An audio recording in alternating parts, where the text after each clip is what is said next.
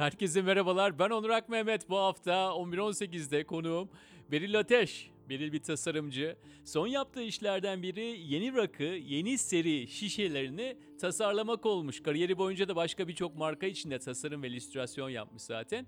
Biraz sonra bizi dinlerken de bunlara bakabilirsiniz berilateş.com'dan. Doğma büyüme Ankaralı Beril. Bilkent Üniversitesi'ne gitmiş, grafik tasarım bölümünü birincilikle bitirmiş. Sonra New York'a gidiyor, Parsons School of Design'da okuyor. Amerika dönüşü de bir süre sonra İstanbul'da yaşamını kuruyor. Ankara, New York ve İstanbul'da öğrencilik yıllarından beri çeşitli sergileri olmuş. Daha küçükken yeteneği ve ne yapacağı belli olan ve o işi yapma şansını bulanlardan biri. Hatta program öncesi onu araştırırken internette resim yapan bir çocukluk videosuna rastladım. Biril'in sohbete de oradan başladım. Hayatı dolu dolu yaşayan, yemeği içmeyi seven Biril Ateş'le olan sohbetimi buyurun dinlemeye diyorum. Buraya gelenler arasında şu ana kadar sahip olmadığım bir pencereyi bana açmış olduğun internetteki varlığınla. Öyle mi? Evet. Ne güzel, ne mutlu bana. YouTube'daki küçüklük videonu Ya. izledim. Gerçekten. Yani boyamayı bilmek diyorsun. Daha iyi bir örnek olamaz herhalde. Ee, orada bilmiyorum işte, o güzel.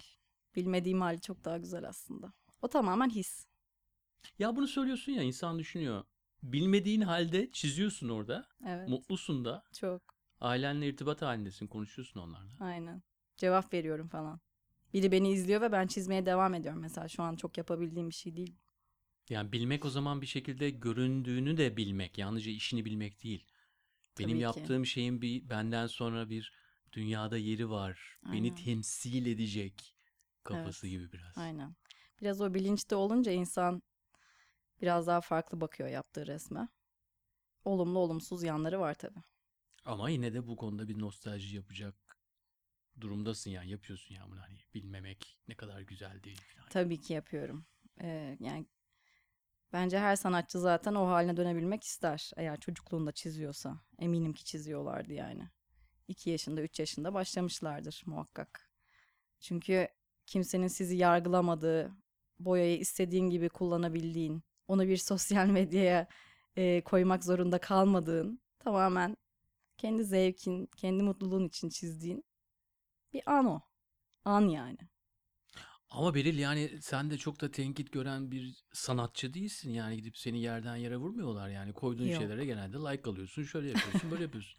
Rakı şişesi çizdin diye belki bir yerlerde yazıp çizerler en fazla. Ne geliyor ki? Ne tür bir eleştiri alıyorsun ki? Neden? Yok o eleştiri gene biz yapıyoruz kendimize zaten. Niye yani- ona gereksinim duyuyorsun? Yani biz yapmıyorsak neden sen kendi kendine yapıyorsun?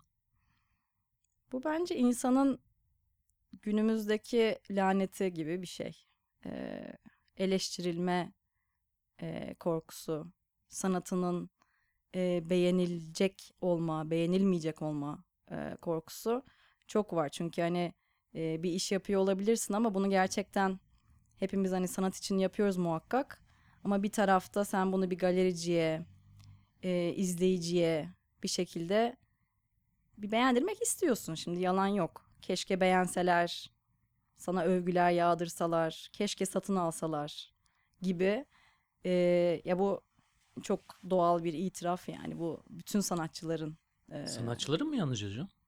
Nasıl? Podcastçilerin bile olabilir. Evet. Olabilir. Tabii Hı hı. ki yani bu aslına bakarsan doğru söylüyorsun. Hani meslek ayırmamak lazım. Birçok insanın isteği bu.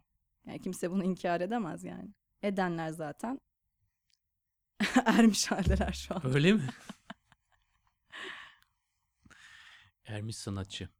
E peki yani şey boş tuval dedik ya hani burası da boş tuval gibi. E, o zaman bu da illa sanatçılara mahsus bir şey değil veya ressamlara, çizerlere veya tasarımcılara mahsus bir şey değil. Birçok insan e, o boşluğu hissediyor. Bazıları boşluğu istiyor hatta diyor ki Evet.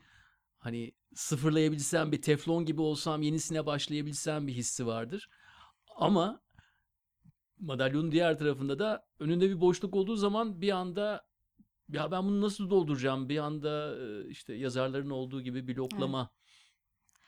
Bir korku oluyor evet insanda. Ya ben eee, hep söylediğim şey o boş tuvalden, o boş kağıttan korkmadan başlayın resminize. Yani bu bir metafor aslında. Hani bir, bu hayat için dediğin gibi çok önemli bir şey. Çünkü e, şimdi resimde şöyle bir şey var. E, bunu her zaman çöpe atacakmışsın gibi baktığın zaman yani ondan kağıttan korkmadığın zaman çok daha özgür, çok daha cesur atılabiliyorsun. Acaba, acaba neresinden başlasam, e, hangi malzemeyi kullansam, hangi rengi kullansam e, dan ziyade atılıyorsun içine.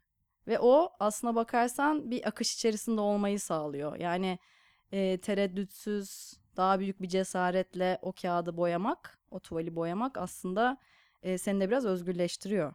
E, hayat da birazcık böyle aslında. Herkesin hayatı için biraz bu geçerli. Evet boşluk isteyenler, e, bunu böyle sevenler var tabii ki muhakkak. Yani korkma demek esas da önceden karar verme. Sen kendini bir akışa bırak ondan sonra Ya korku illaki gerekli. Hı hı. Korku olmadan zaten Ama kısa bir müddet gibi yani. Tabii böyle ki bir kısa bir saniye. müddet Ha. yani bu e, sürekli korkarak bir yere varılamaz yani şu anda. Ama e, o korkuyla aslında o korkuyu kırma aşaması aslına bakarsan çok e, insana iyi gelen bir şey. O çünkü cesareti kendi içinde hissettikten sonra hayat bir şekilde akıyor. O resim de bir şekilde akıyor ve inan ki gerçekten bütün resimlerden çok daha fazla içine siniyor. Çünkü Peki ben anlar mıyım yani peki bunu? Bir an- anlarsın bakan ya. kişi de onu anlayabilecek seviyede diyorsun yani. E, yok. Ee, bakan kişi her zaman görmek istediğini seçer. O e, karşıdaki insanın görebileceği bir şey değil. Önemli olan e, benim bir sanatçı olarak e, o resmi iç rahatlığıyla ortaya çıkartmış olmam. O benim içime siniyorsa karşıdaki zaten gördüğü şeyden hani iğrense de mutlu olsa da böyle hiç anlama ben bu resmi anlamadım ya dese de muhakkak ki bir şey görüyor yani. Karışık mı oldu biraz? Yok anlıyorum anlıyorum. Ama sanki ben daha böyle hani senin içine siniyorsa bana da geçer mi diye onuraları kurcalamaya çalışıyorum. Anladım. ondan. Benim tipolojim o zaten. Kurcalarım yani.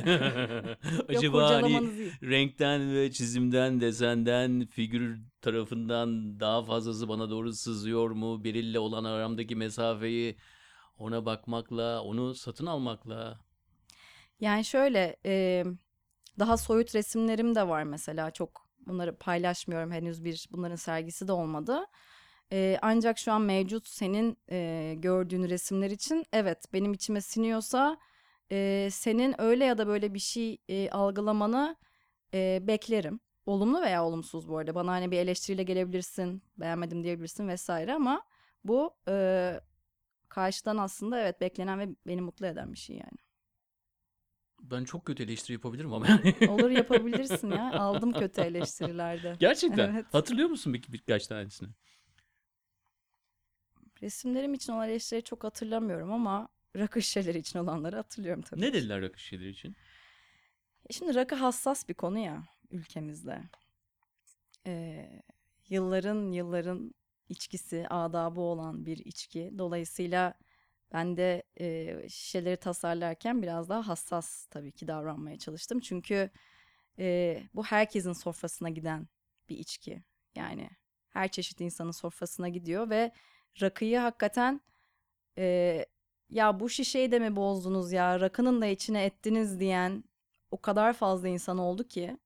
Ama bunun 10 katı insanda e, yine aynı kesimlerden yani farklı kesimlerden eleştiren kesimlerden de aynı şekilde e, sonradan sonradan ya aslında ne kadar güzel bir şey yapmışsınız hani.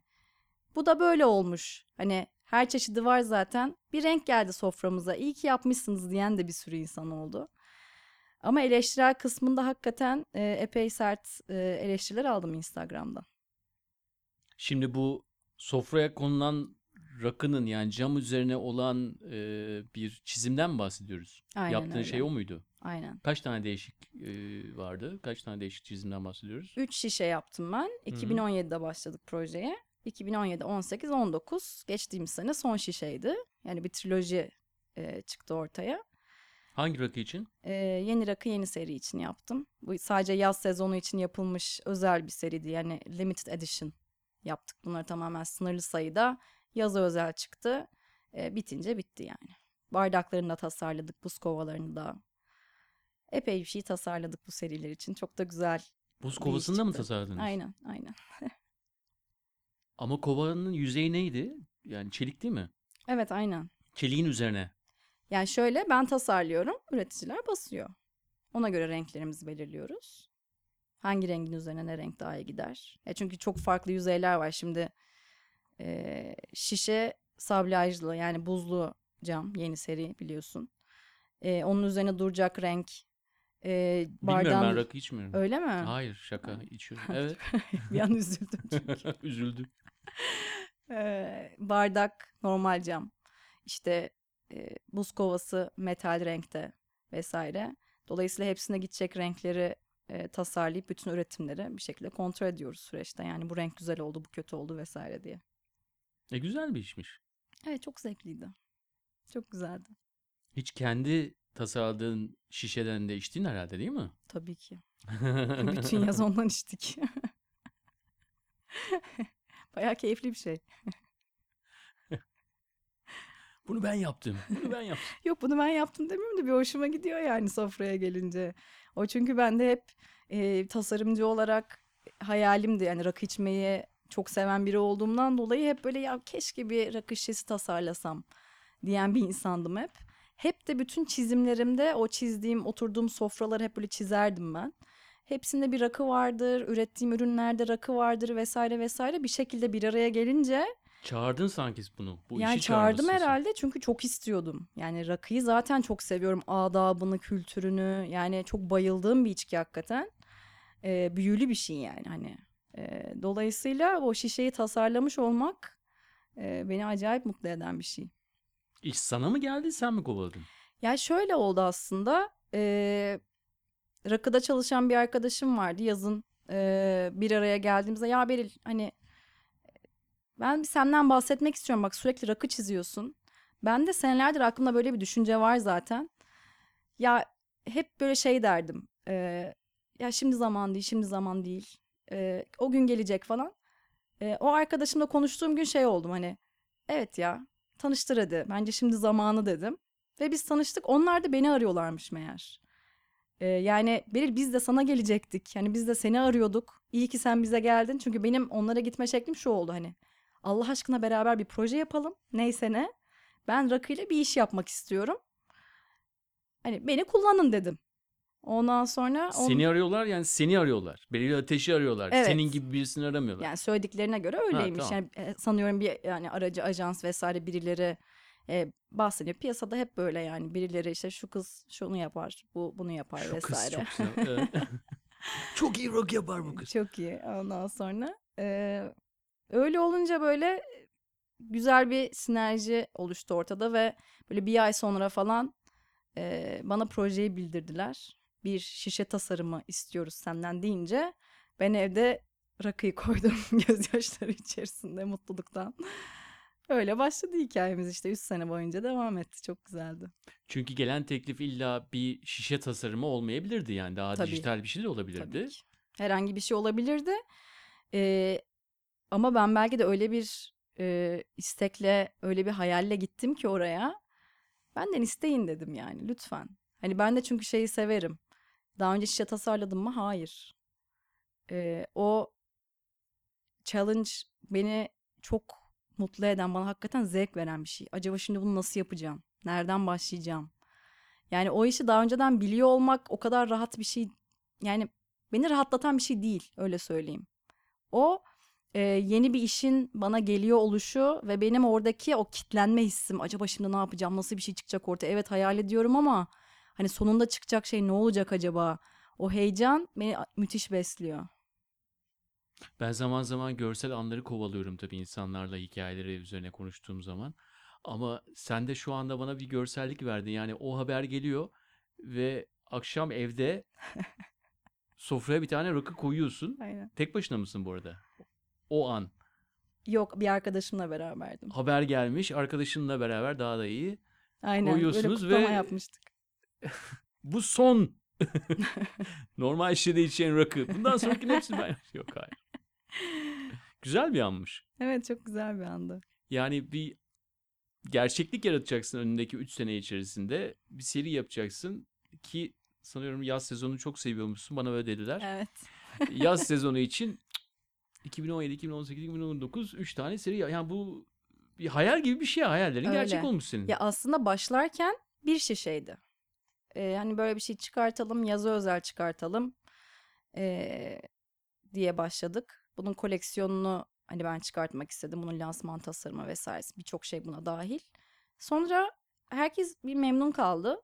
Hadi ikinci seneyi de mi çıkartsak dedik. Hani bu böyle bir üçlemeyle gelen bir fikir değildi. İkinci seneyi de yaptık. Ondan sonra üçüncü seneye gelindiğinde ee, madem öyle hani bir triloji olsun bu. Bir üçleme olsun. Böylelikle bir koleksiyon haline gelsin. Ee, hani çok daha fazla bir e, aslında değeri oluyor bu üçlemenin çünkü. Ee, ve üçüncü seneyi de yaptık.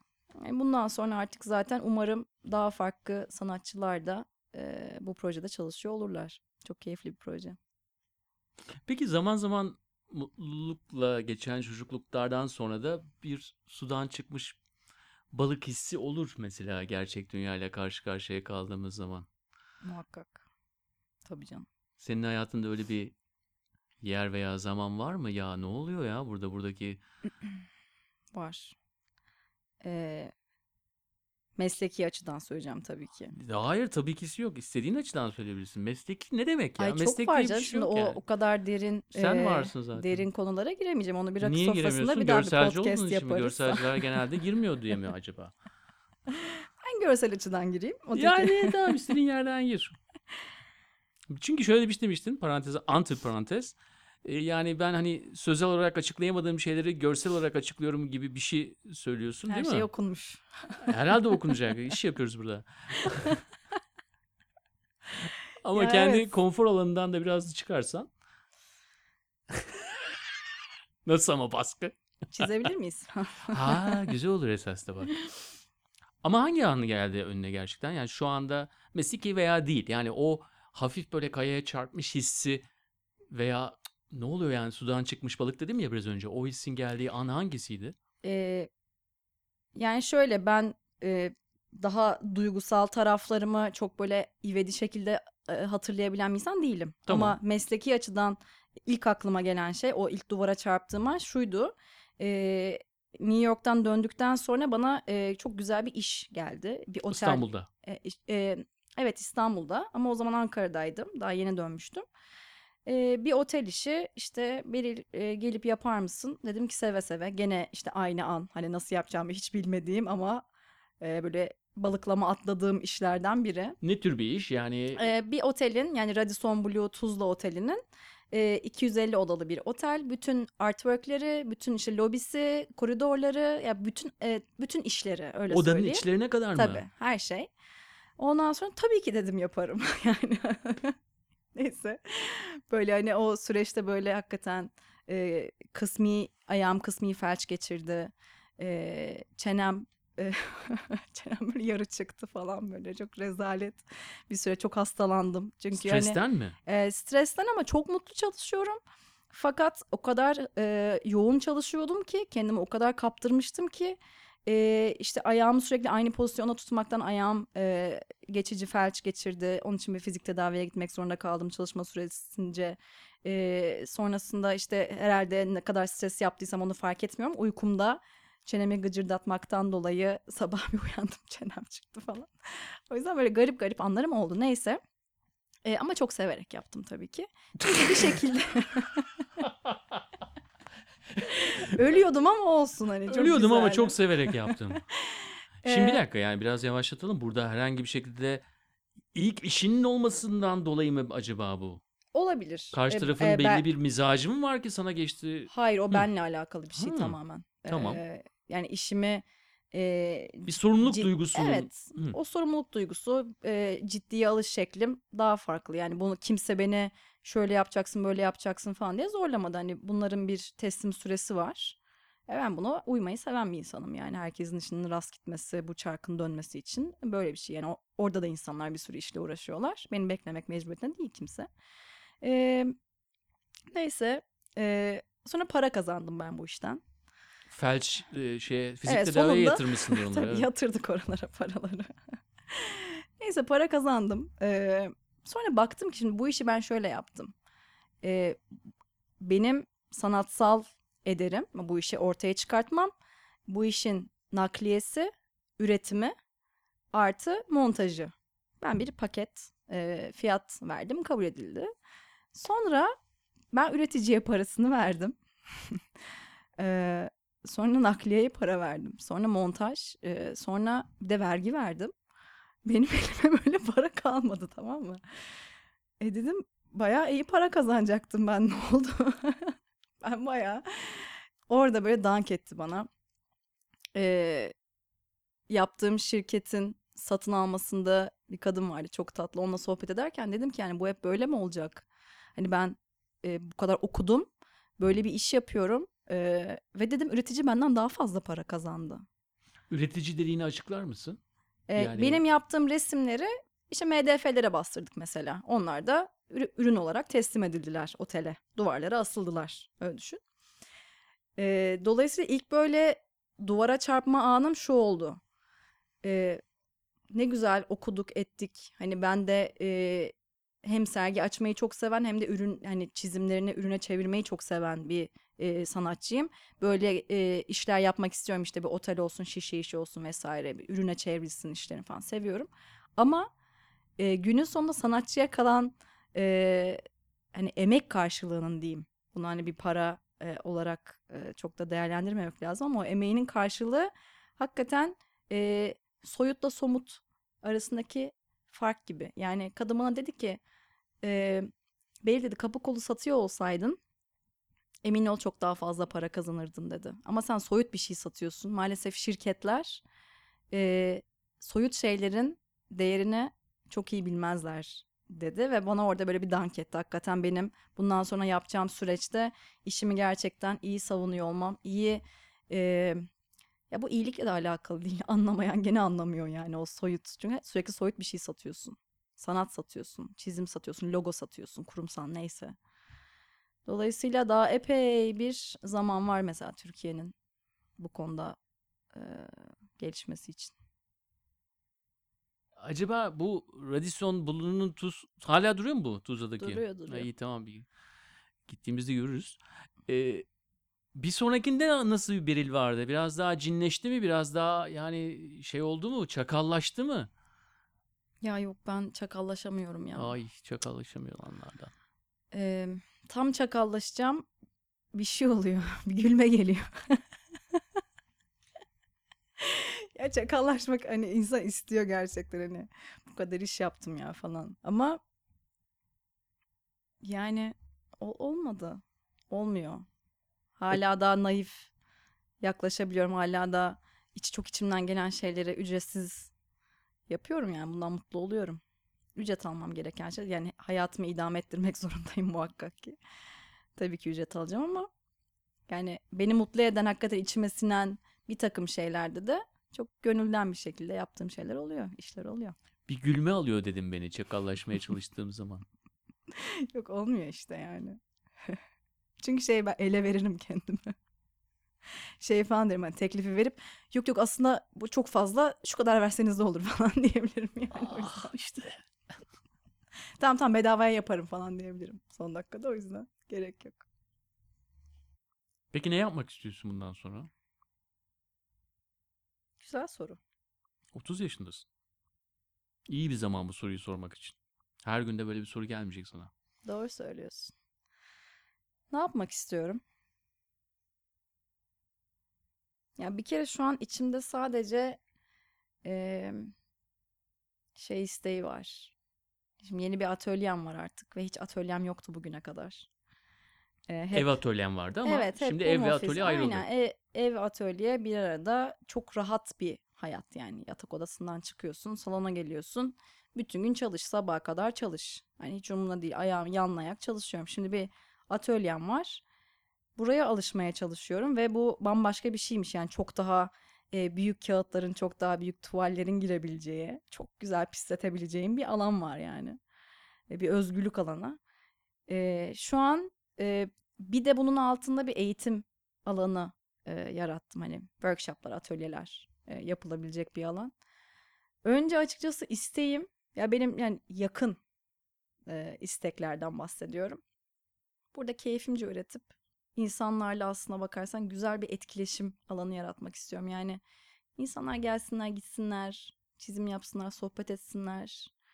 Böyle bir yaşam alanı yaratmak. Aslına bakarsan biraz bir şeyler biriktirmek istiyorum. Yani çünkü eş dost çok seven bir insanım. Birilerine bir şey kattığım zaman da çok mutlu olan bir insanım. O yüzden e, bunun beni mutlu edeceğini düşünüyorum. Hayır mutluyum evet ama bu benim için yeni bir şey. Bir alanım var artık. Yani oraya birileri gelip gidebilir. E, öğrencisi gelip bir şey sorabilir. E, gibi. Dolayısıyla böyle bir isteğim var. Yani sadece biraz resim yapıp keyfime bakmak istiyorum. Bol bol gezmek istiyorum öyle söyleyeyim. Belki iki ay sonra bambaşka bir hayalim olacak 30'um için ama bilmiyorum. Şu an böyle hissediyorum. Birçok kişi bunu söylüyor tabii yani e, biraz da e, konjonktürün gereği galiba. E, neyin değerli olduğuna dair ayrı bir hesaplama var. Hem gezip tozma olsun ama etrafına aldığın insanlar, deneyimlerin daha önemli olması, Evet. malların etrafına koyduğun eşyalardan daha fazla, deneyimin daha fazla olması ve konjonktür gereği de belli bir şekilde kendini soyutlama gereği. Yani çok em, Yani soyutlama deyince yani diyelim politik olaylardan soyutlama. ya şöyle ben e, çok iç içeydim bu konu. Neyle? Yani çok böyle takip ederdim siyaset, politika vesaire. E, ama sonra o kadar böyle yıldım ki bu konulardan. E, çok uzaklaştım yani çünkü bir dönem yaptığım sergiler, e, çizimler tamamen bunlar üzerineydi. E, Gezi döneminden sonra e, Torun'da açtığım Yuvarlanıp Gidiyoruz sergisi tamamen işte eğitim sektörünü, politikayı, ilaç sektörünü eleştiren hakikaten Tamamen. ne? Turun? Torun e, bir inisiyatif e, Ankara'da e, arkadaşlarımızın e, kurmuş olduğu ve herhangi bir gelir kaygısı olmadan insanlara açtıkları bir platform. Ben de Gezi döneminden önce hazırlanmaya başlayıp buna denk gelip sonrasında açtığım sergide hem hani birçok şeye, Gezi'ye de yer verdiğim işler yapmıştım. Bıyıklı bıyıklı insanlar çizmiştin. Bıyıklı bıyıklı evet her zaman bıyık var ben de seviyorum. Sonra e, çok uzaklaştım çünkü hakikaten çok yıldım insanlardan yani insanın ne kadar şahane ne kadar inanılmaz bir varlık olduğunu bilip aslında ne kadar böyle iğrenç bir şey olabildiğini de bildiğim ve gördüğüm için insan hakikaten böyle bir yıpranıyor ve sonra çok uzaklaştım şimdi gene bir içine girmiş e, durumdayım. Tekrar o şeyim geri geldi. Tekrar böyle birazcık politikaya dair bir şeyler çizmeye başladım evde. E, bu arada sırada bana gelen e, haller. Yani çizme ihtiyacında bulunuyorum. Yaşadığım günü, hissiyatı, insanların ruh halini vesaire ama e, evet elimden geldiğince takip etmeden biraz soyutlamaya çalışıyorum. Çünkü siyaset dediğin şey zaten sen buna e, kafa yorsan da yormasan da aynı çizgisinde devam eden maalesef. Ha kendi Bir hal. etkisiz eleman gibi hissediyorsun bunu yaparken öyle mi? Yani pek etkimizin olduğunu düşünmüyorum. Çünkü e, zaten dinleselerdi bizi e, çok daha farklı olurdu her şey. Ne yapıyorsun peki son zamanlarda? Ya bunu sormamın nedeni de biraz da tamam etkisiz olduğunu kabul ediyorum ama en azından beni etkiler veya yanındaki kişiyi Hayır tabii etkiler. ki o yok o konuda ne yaptığını- etkisiz değilim zaten. Tamam onu anladım. Yok o kadar da değil. O kadar da değil. Son, zamanlarda yaptığın politik işler var mı? Ee, Şubat ayı boyunca bir çizme ihtiyacında bulundum. Çünkü hani başladık depremlerle, uçak kazalarıyla işte e, çığ geldi arkasından. E, Ölüm. Ölüm. İnsanların Sürekli ölümü. Ölüm. e, en son işte şehit haberleri vesaire vesaire derken bu zaten bu arada mevcut da olan şeyler bunlar. Hani çok üst üste geldiği için hani çok yoğun bir şeymiş gibi geliyor insana ama bu maalesef Türkiye'de zaten sürekli yaşanan e, ihmallerden vesairelerden dolayı hep başımıza gelen şeyler bu. E, maalesef üzücü ölümler e, bunlara kayıtsız kalan insanlar. E, dolayısıyla bazı şeyler bu işte kadın cinayetleri, e, bu cinsiyetçilik vesaire, işte sokakta karşılaştığımız insanların tavrı, e, ne kadar dışında kalmaya çalışsan da bazı şeylerin e, müthiş koyan şeyler bunlar insana. Yani e, iyi insanın gerçekten e, delirmemesi için hani bir noktada psikopatlaşmaması için hiçbir sebep yok. Çünkü sen duyar çünkü biz duyarlıyız. Yani insanlar duyarlı. Yani o gördüğü şeyin yanlış olduğunu, doğrusunun ne olması gerektiğini biz biliyoruz. Ve buna sesini çıkartmaya kalktığın zaman aldığın karşılıklar kırıyor. Ee, gibi gibi aslında bu bir süreç yani bu böyle bir döngü. Ee, hepimiz içinde aslında yuvarlanıyoruz bunun yani. O yüzden e, zaman zaman bunları böyle anlatıp konuşmaktansa ben biraz daha oturup çiziyorum diyeyim. Diyorsun ki yani böyle durumlarda tabii her ne kadar kendimi e, dışında almaya, dışında bırakmaya çalışsam da içindesin zaten. İçinde olduğun Tabii. zaman da üretim yapıyorsun. Bunu bazen de yalnızca kendin için yapıyorsun. İlla hani Aynen. bana göstermek veya bir yerde yayınlamak için değil. Yani o Sanki böyle iyileşiyorsun. Bir Evet. tedavi yöntemi gibi. kesinlikle. O bana iyi geliyor. Yani onu bir şekilde benim kusmam atmam lazım bu bünyeden ki belki biraz rahatlatayım. Evet bu rahatlatıyor mu? Tabii ki hayır ama e, onu yapmak, onu kağıda dökmek e, ya da bunu paylaştığım zaman bile bununla ortak e, paydada buluşabildiğim insanlarla bunu e, sohbetini edebilmek bile e, bazen iyi gelebiliyor yani. Evet bir terapi niteliği var o sürecin. Hem terapi niteliği var hem de e, çok rahatlıkla şimşekleri de üzerine çekebilecek bir yöntem. Çünkü bir insanın diyelim bir fotoğrafını görüyorsun. Senin çizimiyle o fotoğraf bambaşka bir hal alıyor. Yani içini dışına çıkartıyorsun çünkü sen çiziminle. Evet. Biz de yalnızca işte gazetelerde veya e, dergilerde veya dijitalde baktığımız fotoğraflardan senden daha fazla bilgi alabiliyoruz diyelim bir kişi hakkında. Evet.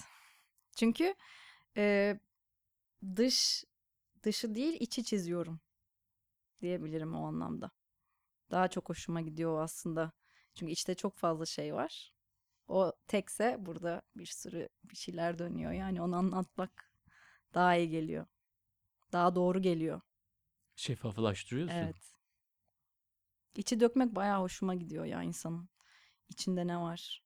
İnsan ne düşünür? Aslında aslında hepimiz iyiyiz. Aslında hepimiz iyi geldik ama biz ne ara kötüleştik falan. Böyle o süreç çok garip bir süreç yani insanları inceleyince çizesin geliyor yani.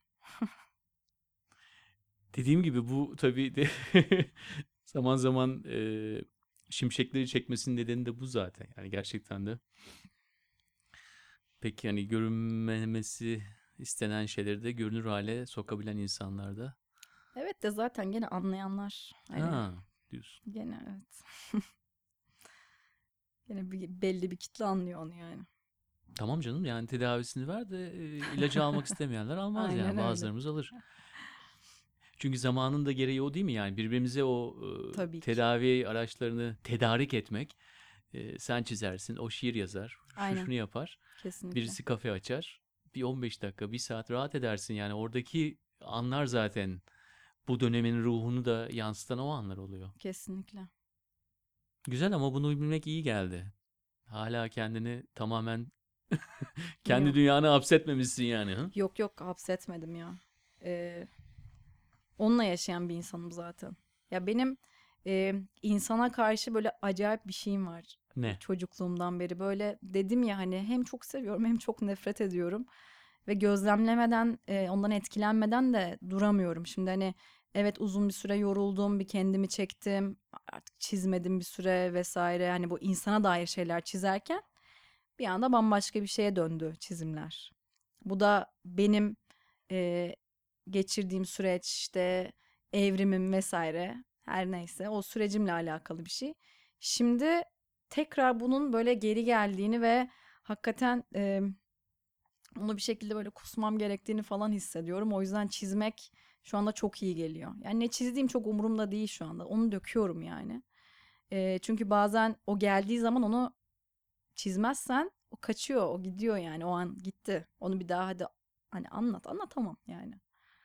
Dolayısıyla o anı kaçırmamak da çok güzel o esinlenme anını direkt kağıda dökebilmek. Güzel bir şey. Peki o zaman soru da şu olsun bakalım zorlanacak mısın merak da ediyorum ama kendine baktığın zaman ne görüyorsun? Nasıl yani? Kendini çizdiğin zaman e, otoportre yapıyor musun hiçbir şekilde? Ee, otoportre yaptım bir iki kere. Ne vardı? O kişinin içinde ne vardı dışına çıkan belki? Farklı dönemlerde yaptım. Hmm. Biri bayağı karmaşıktı. Bir New York'ta yapmıştım orada okurken. Ee, Karmaşık. e, şöyle yani bana göre kötü değil bu arada. Hani tamamen e, fırça darbeleriyle yaptığım aslında hani baksan hiçbir şeye benzetmeyeceğin ama benim kendimi gördüğüm e, hani iki renkten oluşan bir otoportreydi yani. E, öteki böyle daha e, detaylı, daha böyle rapido vesaire kullanarak böyle daha ince çizgilerle e, yaptığım böyle uzun saçlı, niyeyse bıyıklı falan böyle e, kırmızı şapkalı. Hani bütün her yerde zaten onu kullanıyorum bütün e, fotoğraflarımda. Onu niyeyse kendime benzettim. Böyle içinde balıkların olduğu, böyle içinde kocaman bir dünyanın olduğu, böyle kocaman bir vücudu var o şeyin, Beril'in. Öyle bir otoportreydi mesela. Aslında bir de şimdi çizmem lazım. Şimdi çizsem ne çizerim acaba? Bilmiyorum. Her seferinde başka bir şey görüyorum yani. Bıyık çizer misin hala? Şu an bıyık çizmem. Ne çizerim ki şu an? Göreceğiz bakalım. Ben bir eve gidip bugün bir otoportre çizeyim. Çok güzel soru.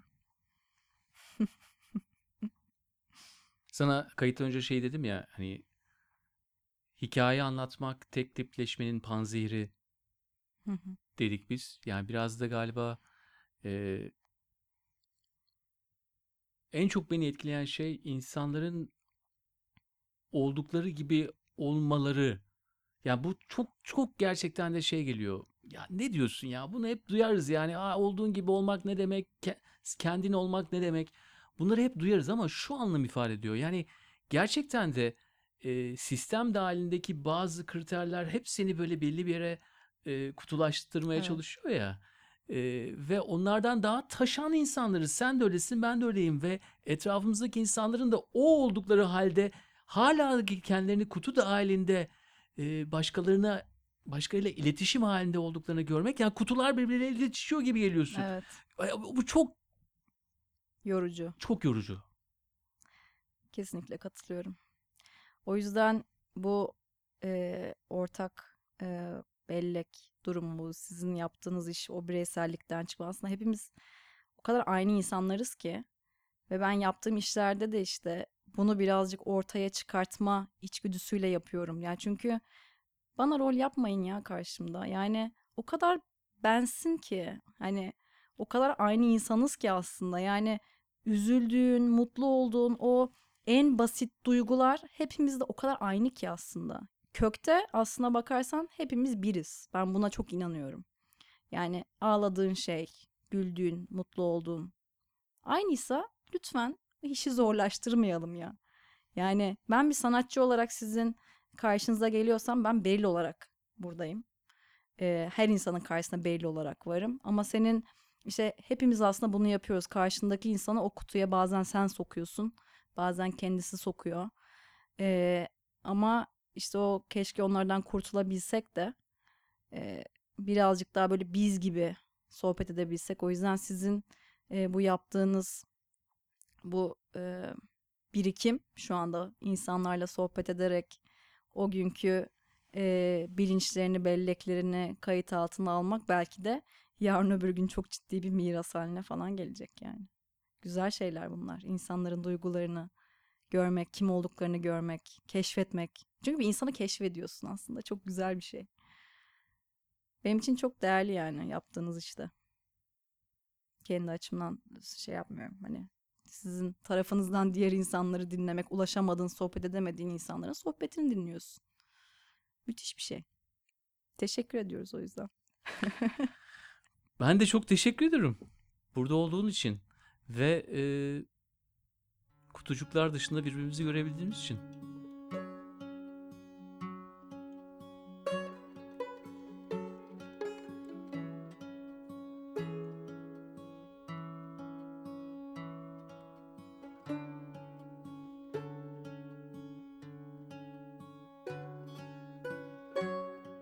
Evet kutular ve kutucuklar. Dışarısı o kadar karışık, o kadar kakafoni var ki kafalar da karışıyor. Ondan böyle zamanlarda anlam vermek güçleştiğinden dış yüzeyi değil de diplerini bize gösterenlere bakın. Beril'in son günlerde yaşadıklarımızı anlatan çalışması Delirme Sanatını ve diğer işlerini Instagram hesabından takip edebilirsiniz. Hesabın adı Beril Ateş. Bu haftalık bizden bu kadar. Canlı etkinliklere devam ediyoruz bu akşam Anlat Hikayeni Eskişehir'de. Eğer gelemiyorsanız anlatılan hikayelerin videolarını A Hikayeni sosyal medya hesaplarını takip ederek izleyebilirsiniz. Bizi de podcastlerin olduğu her yerde dinleyebilirsiniz. Haftaya yeni bir insan, yeni bir hikaye ve yeni bir podcast'te buradayız. Görüşmek ve buluşmak üzere.